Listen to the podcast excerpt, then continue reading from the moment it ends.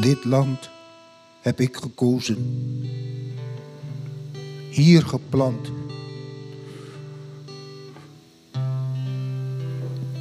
In het getij van de dagen en nachten.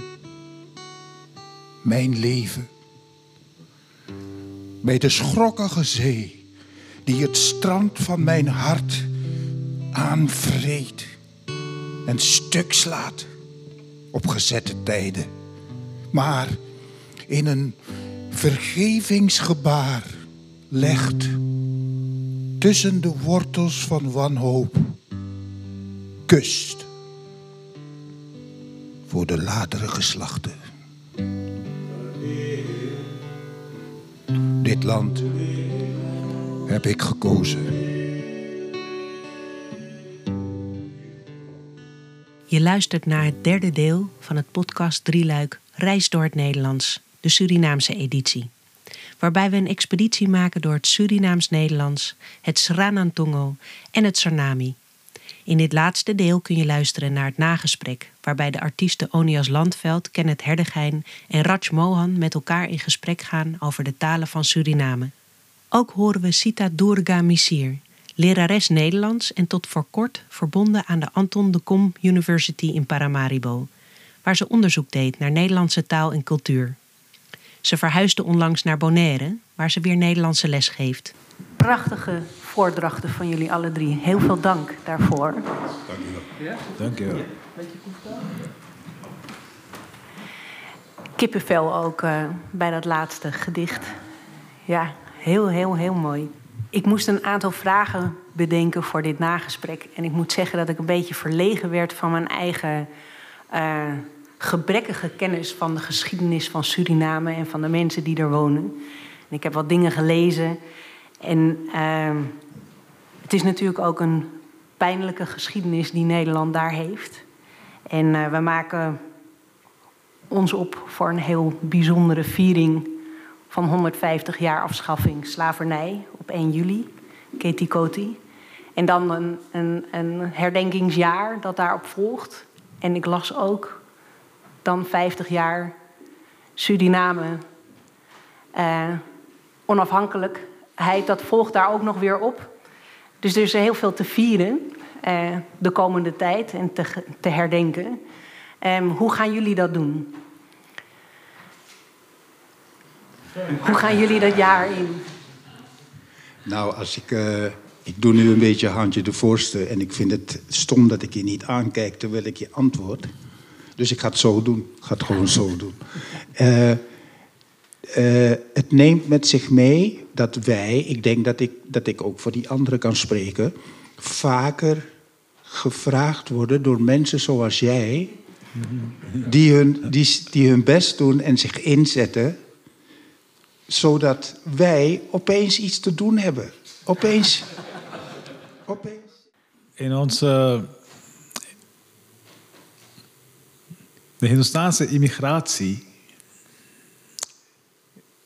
is op 5 juni precies 150 jaar geleden.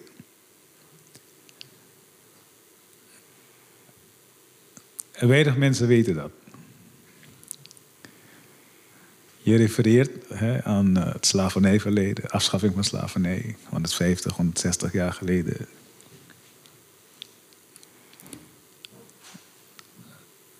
Voor mij betekent het heel veel.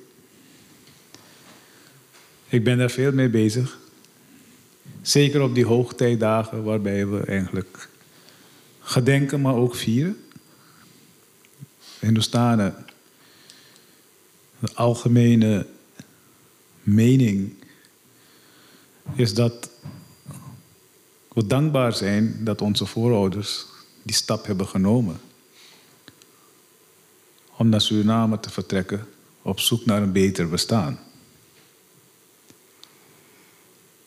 Die twee grote gebeurtenissen in de koloniale geschiedenis van Nederland, die hebben aanvankelijk niet veel met elkaar te maken, terwijl ze nou zijn verbonden met elkaar.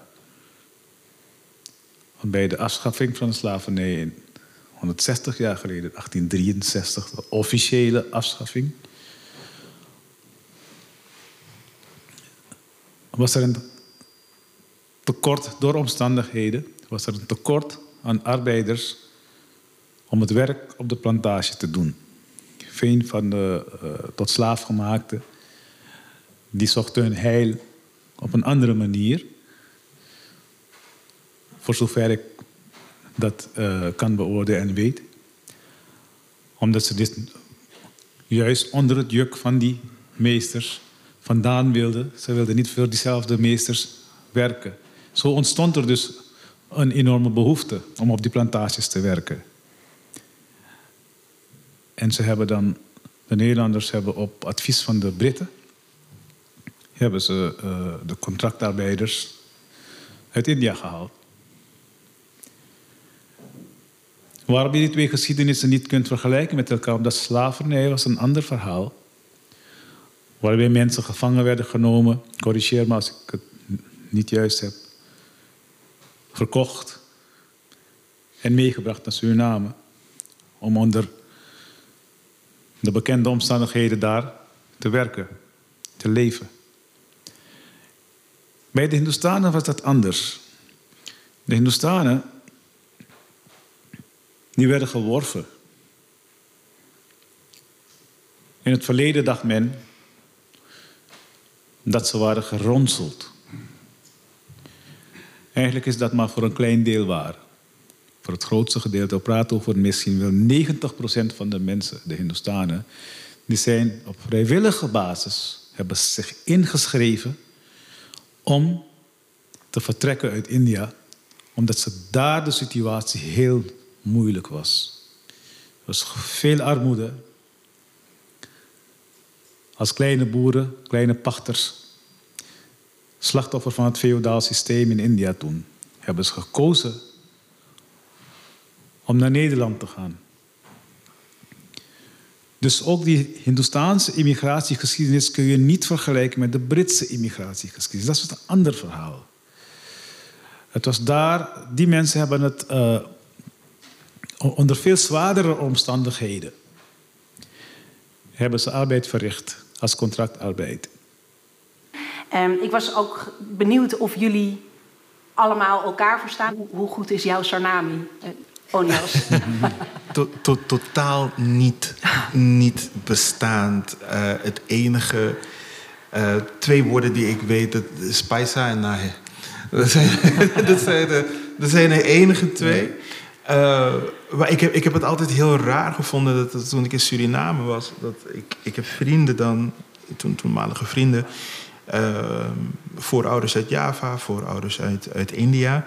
Uh, we spraken, weet je, Surinaams spraken we dan met elkaar. Maar iedereen sprak zijn eigen taal. Ik ben Maron, ik spreek uh, Saramakaans van mijn vaders kant. Alkaans van mijn moeders kant. Dan Nederlands, Surinaams bovenheen. En, en dat bindt ons.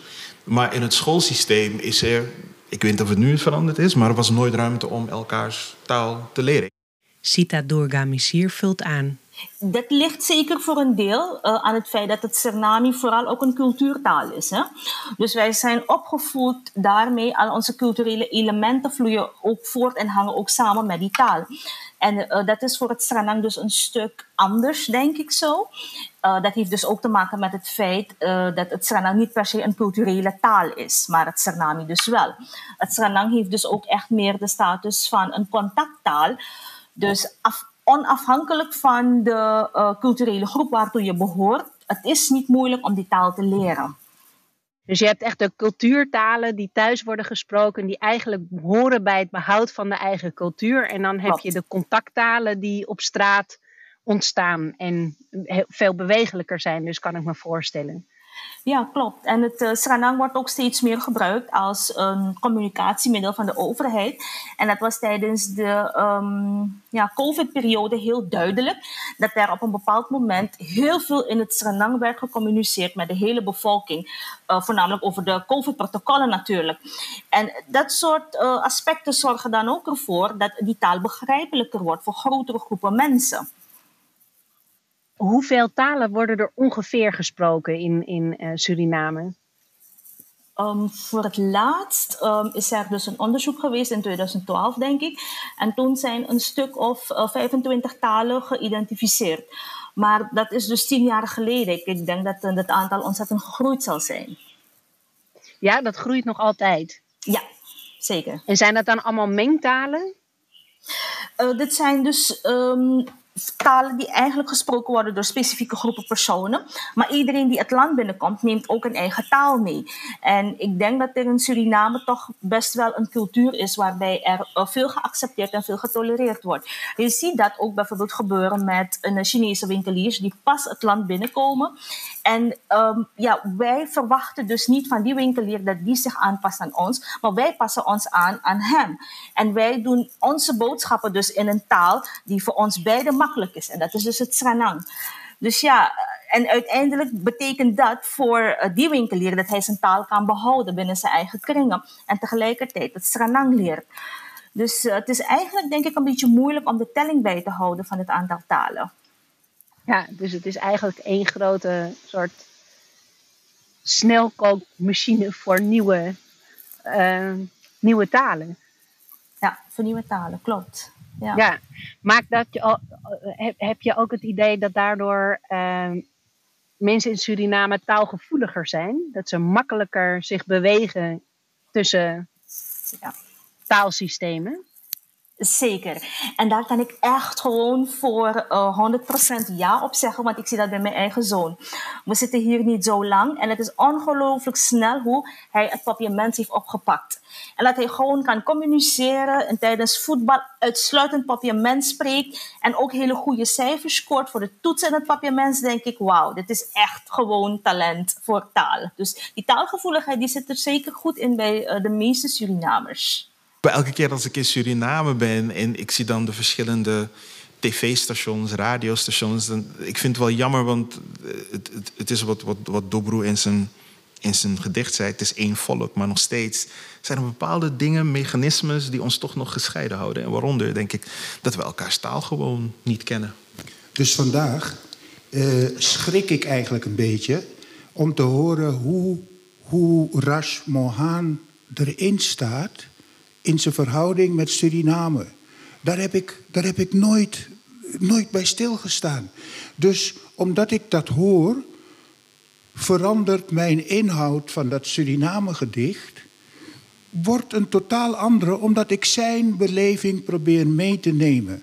Het doet me denken aan, en dat, dat zegt Onias, daar heeft Onias het ook over. Het doet me denken aan een, een, een strofe uit de monoloog die ik doe van uh, Ferrier, de eerste minister-president van Suriname na de onafhankelijkheid. Dat is ook de man die 1 juli Kitty Kotti heeft bedacht. Die heeft het ingesteld als regering. Heeft hij ingesteld dat 1 juli Kitty Kotti wordt en dat het een nationale vrije dag wordt. Dat heeft hij in, in, in, in de jaren, begin jaren 60 of zo, 59, heeft hij dat bedacht. En er komt in die monoloog komt er een strofe voor. Gaat als volgt. Kort na de oorlog, de Tweede Wereldoorlog, beginnen de Surinamers zich politiek te organiseren. En dat is meteen ook het begin van grote verdeeldheid. Uh, zij zien ons van de Unie als een spreekbuis van een lichtgekleurde Creools-christelijke elite. Weet je? Uh, en dat is heel treurig. Uh, veel Surinamers die van Afrikaanse afkomst zijn, afstammelingen zijn van tot slaafgemaakte, die zeggen dat een echte Surinamer een Creool is. En daarmee zetten ze de immigranten uit Azië zetten ze weg als tweederangs burgers. Als geen echte Surinamer. Dat is heel verkeerd. Er wordt meteen een centraal uh, Javaanse, Hindoestaanse raad opgericht. En zo slaat de versplintering toe. En ik, als Verrier, ik wil juist één grote partij die allerlei progressieve doelstellingen voorstaat... in plaats van al die duizenden partijen zoals in Nederland. Liever het Amerikaanse voorbeeld van één, twee grote partijen... en die tweede partij dan op christelijke basis, godsdienstige basis. Maar alles valt uit elkaar in zijn eigen etnische groep. En dan kom je bij het gedicht Suriname. Dus opeens komt het diep binnen toch dat, dat wij ons eh, eh, jaren geleden, onze afstammelingen, zich superieur voelden aan die contractarbeiders uit Java en uit India. Dat, dat het tweederangs burgers waren. En dat speelt vandaag de dag nog steeds. Op in, in, in sommige gelaagdheid, weet je wel. Maar goed. En is dat dan ook de reden dat Nederlands nog steeds het, de voertaal is in Suriname? Dat, er, dat je al die verschillende taalculturen naast elkaar hebt? Uh, nou, ik weet niet precies wat daar de reden van is. Ik kijk dan meestal naar mijn Curaçaose broers en zusters. Die hebben iets van, ja, Nederlands is de taal van de kolonie en dat, dat, spreken we gewoon niet. We spreken papiaments. Uh, hoe, hoe ik, als ik kijk naar de verhalen van, van vroeger, kijk, Kenneth zei het ook al, politiek werd daar, wordt soms nog steeds bedreven langs etnische lijnen. Um, en in, in, in Curaçao is het meer een gemeleerde bedoeling, heb ik, heb ik, heb ik de ervaring daarin. Uh, maar waarom Nederlands in Suriname nog steeds de voertaal is, is denk ik op, op als ik kijk, luister naar de verhalen van mijn moeder bijvoorbeeld, werd hun geleerd om te kijken naar de mensen van Curaçao en te zeggen: uh, ja, maar jij bent minder, want jouw Nederlands is niet goed. Het was een soort statussymbool. En het is een stukje indoctrinatie, koloniale indoctrinatie, dat, dat nog overgebleven is, waarvan ik denk dat dat de reden is waarom Nederlands nog steeds daar is. De, de progressiviteit en om de identiteit te maken van wat, wat betekent het nou eigenlijk om een Surinamer te zijn. Naar mijn mening, het begint misschien met de generatie na mij. Maar het is niet echt dat men bezig was om, om te versmelten. Weet je, je moet kijken naar de meeste landen dat een, die een koloniaal systeem hebben gehad. Op een gegeven moment, of ze vallen uiteen, of ze dreigen uiteen te vallen in verschillende etnische groepen. Die samen zijn gebracht door verschillende omstandigheden. Maar ook zijn geregeerd om afzonderlijk te blijven. Het is alsof je één huis hebt en je hebt kinderen geadopteerd en je hebt kinderen gekregen en je zet ze allemaal in een huis, allemaal in een separate kamer. De ouder vertrekt of gaat dood of weet ik wat en dan moeten ze met elkaar leren omgaan. Maar dat gaat gewoon niet. Een ander aspect is natuurlijk heel belangrijk dat uh, onderwijs in het Nederlands uh, werd gegeven en dat nog steeds gebeurt. Ja. En het kan ook niet anders, uh, behalve in een Anglo-Saxische taal. Het zou in Engels kunnen zijn. Of, ze hebben het overwogen. ze hebben het overwogen, maar waar haal je het materiaal vandaan? In Sranantongo of in, eh, of in het Sanami? Dat is er gewoon niet. Dus dat alleen al maakt dat, uh, dat die taal dus ontzettend belangrijk is. Alle onderwijs wordt gegeven in het Nederlands. Er is nu pas de laatste twintig jaar... Is, uh, en daarin is Sranantongo de taal wat tegenwoordig Surinaams wordt genoemd, dat ook een beetje vreemd is. omdat je Sanatongo geen Surinaams kunt noemen, feitelijk. Omdat, wat is dan Surinaams? Is Hindoestaans dan geen, is Sarnami dan geen Surinaams? Is Javaans dan geen Surinaams? Is Chinees Maar het is toch wel de taal waarin, waarin al die bevolkingsgroepen bij, elkaar, bij, eh, bij, elkaar verbonden zijn. De Chinees of de Hindoestani spreken Klopt. allemaal Sanatongo. Dus als we het hebben over Surinaams, ja, wat is dan Surinaams? Maar op, nu is het uh, gestandardiseerd, als het ware, algemeen aangenomen dat als we het hebben over Surinaams, dat we praten over Sanantongo. Want Sanantongo als naam van de taal wordt al bijna niet meer gebruikt. Waar gaat het heen met de talen van Suriname? Ik vraag het Sita Durga Misier. Wat verwacht je van de taalontwikkeling in Suriname? Uh, zie je een algemene taal ontstaan over 100 jaar? Um, ik denk dat het Nederlands uiteindelijk um, heel, nog meer omarmd zal worden dan, dan het nu is. Maar dat de invloeden van het Sranang en het Suriname daarin nog nadrukkelijker aanwezig zullen zijn. En met name in de, in de woordenschat. Er zullen meer woorden worden opgenomen vanuit die talen. En ik denk ook dat de jongeren vooral meer richting het Engels zullen gaan. En dat daardoor de eigen culturele taal, die nu eigenlijk al een, een soort stigma heeft van ouderwets zijn, dat die culturele taal op den duur weggeschoven zullen worden. En dat we echt meer richting het Nederlands zullen gaan en het Engels. Ja. ja. Vind je dat jammer? Ja en nee. Ik denk dat alles zo een, uh, iets heeft van een komen en een gaan. Ja, mijn ouders hebben op een bepaald moment ook de bewuste keus gemaakt om ons uh, meer in het Nederlands op te voeden. En dat heeft dus uh, voordelen voor ons opgeleverd. En nu zie ik dus een heel andere ontwikkeling bij mijn eigen kinderen. En ik zou ja, ze die ontwikkeling niet willen onthouden. Nee, dus ik, ik vind het ja natuurlijk erg aan de ene kant, maar aan de andere kant denk ik, ja, dit hoort bij het leven. Het is een, proces. Bijvoorbeeld het, het Nederlands, dus behalve een steeds belangrijke taal in de opvoeding, ook een belangrijke taal wordt in de cultuur. Ik heb dus uh, vanuit Bonaire een beetje de, de zaken gevolgd rondom de herdenking van de Hindustaanse immigratie. En je ziet dus dat men uh, probeert om te herdenken, dus wat er geweest is, maar dat men ook steeds een beetje toekomstgericht is. En in die toekomst heeft Nederland een plaats. En dat is ook echt bij alle culturen zo. Bij bijvoorbeeld uh, Suripop, dat is dus een heel bekend songfestival in uh, Suriname, zie je dus ook dat er vaak liedjes gecomponeerd worden in het Nederlands.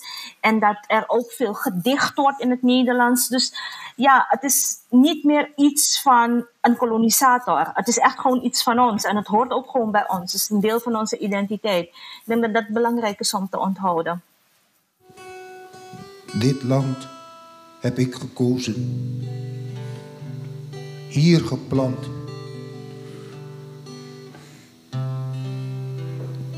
In het getij van de dagen en nachten. Mijn leven bij de schrokkige zee, die het strand van mijn hart aanvreet en stuk slaat op gezette tijden. Maar in een vergevingsgebaar legt tussen de wortels van wanhoop kust voor de latere geslachten. Dit land heb ik gekozen. Hier geplant. In het getij van de dagen en nachten. Mijn leven. Bij de schrokkige zee. Die het strand van mijn hart aanvreet. En stuk slaat. Op gezette tijden. Maar in een vergevingsgebaar legt tussen de wortels van wanhoop kust voor de latere geslachten. Hiermee ronden we de podcast van de tweede editie van Reis door het Nederlands af. De volgende editie is op zondag 18 juni 2023 en voert ons door het Arabisch van de Tunesisch-Nederlandse dichteres Lamia Makadam en de Iraaks-Nederlandse dichter en kunstenaar Mawafak al-Sawad. Theatermaakster Maya Link neemt ons mee in het onderzoek naar haar Joods-Iraakse wortels voor haar voorstelling Geboortegrond en wordt daarbij muzikaal begeleid door de Syrisch-Nederlandse oetspeler Noor Wahedi. Reis door het Nederlands wordt samengesteld in samenwerking met Seert Bruinja en is een co-productie van Vrienden van het Vredeskerkje en Stichting Media Ridders. Het project wordt mede mogelijk gemaakt door de gemeente Bergen, het Lira Fonds, Taka Cultuurfonds en de Stichting Graven en Verhalen. Dank aan Onias Landveld, Raj Mohan, Kenneth Herdegijn en Sita Durga Misir voor hun dichterlijke, muzikale en inhoudelijke bijdrage. Ook hoorden we fragmenten uit Im wunderschöne Monat Mai van Schumann, uitgevoerd door Christian Gerhaar en Gerald Huber. Casper Kalf verzorgde de geluidsnabewerking. Inhoudelijke samenstelling door Jasmijn Snooyink. Dank voor het luisteren.